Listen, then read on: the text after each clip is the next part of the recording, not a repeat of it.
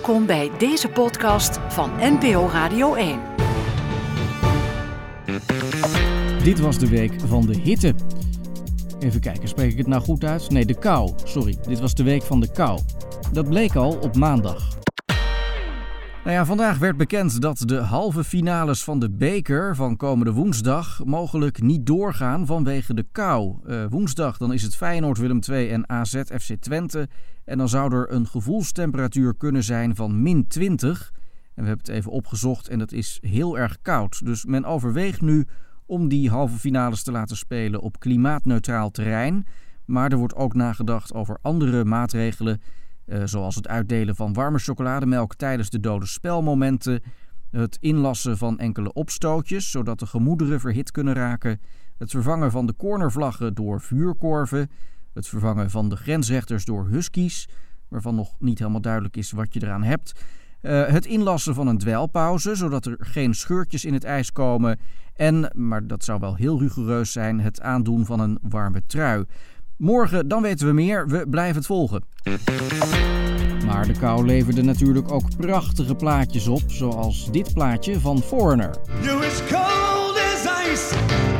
En natuurlijk werd er al snel gespeculeerd over de eerste marathon op natuurijs en de eerste marathon op kunstijs. Ja, ik sta hier in het Overijsselse Blokzeil, want alle schaatsliefhebbers vragen zich natuurlijk af of hier misschien aan het eind van de week de eerste marathon op kunstijs gehouden kan worden. Ik eh, ben het even op onderzoek uit geweest en het ijs is op zich dik genoeg. Dat is eigenlijk het probleem niet. Het is vooral de vraag of hier aan het eind van de week een schaatsstadion staat met alle bijbehorende infrastructuur om een fatsoenlijke marathon op kunstijs te kunnen organiseren. En op dit moment lijkt het nog te vroeg. Ik zie uh, nog geen overdekt stadion, geen kleedkamers, geen commentaarhokjes waar Herbert Dijkstra familieanekdotes over René Ruitenberg kan vertellen. En het zal ook echt nog een paar nachten moeten blijven vriezen voordat de tribunes dik genoeg zijn. Kortom, nog even geduld. Dit was ook de wonderenweek waarin weerman Gerrit Hiemstra ervoor pleitte om de term gevoelstemperatuur niet meer te gebruiken, omdat dit te verwarrend zou zijn. Dit leidde tot een verhit debat, al zullen we dus nooit weten of het ook aanvoelde als een verhit debat. Ja, ook vanavond ging het er weer regelmatig over. De temperatuur. Het is inderdaad koud. De echte temperatuur is op verschillende plekken in het land gedaald naar min 8. Maar de gevoelstemperatuur daarbij was op sommige plaatsen min 20. Maar ja, als je die gevoelstemperatuur had ingecalculeerd van tevoren, dan viel het eh, ten opzichte daarvan eigenlijk best mee. Dus de verwachtingsgevoelstemperatuur die was min 12. Maar ja, als je uh, daar dan weer te veel waarde aan hecht en de hele tijd met min 12 in je hoofd zit, ja, dan is het in de praktijk toch altijd weer kouder dan je denkt. Dus de gevoelsverwachtingsgevoelstemperatuur was min 30. En als je dat dan weer meeneemt, ja, dan word je er vooral een beetje moe van. En op sommige plekken was de vermoeidheidstemperatuur dan ook min 48. En dat is een eh, record. Kortom, toch nog een historische avond. Met dank aan alle mensen achter de schermen. Al dus Kees Driehuis, die afgelopen donderdag zijn laatste aflevering presenteerde van Per Seconde Wijzer. Negen televisiepresentatoren die voortijdig het veld moesten ruimen. Ik vertel iets over ze en u kunt iets voor zichzelf gaan doen.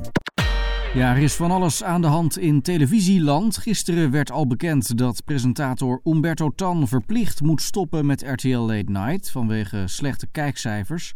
En vanavond presenteerde Kees Driehuis zijn laatste aflevering van Per Seconde Wijzer. Hij moet weg omdat hij te oud zou zijn. Elke dag komen er dus werkloze presentatoren bij. En uh, de vraag is wat we daarmee moeten doen. En de aloude discussie laait dan weer op bijvoeren of afschieten. Een tussenweg is er eigenlijk niet. Uh, veel mensen vinden het natuurlijk zielig. Die zien zo'n schattige presentator op tv met betraande ogen. En die uh, willen dan zoveel mogelijk gaan bijvoeren. Maar volgens critici vererger je daarmee juist het probleem.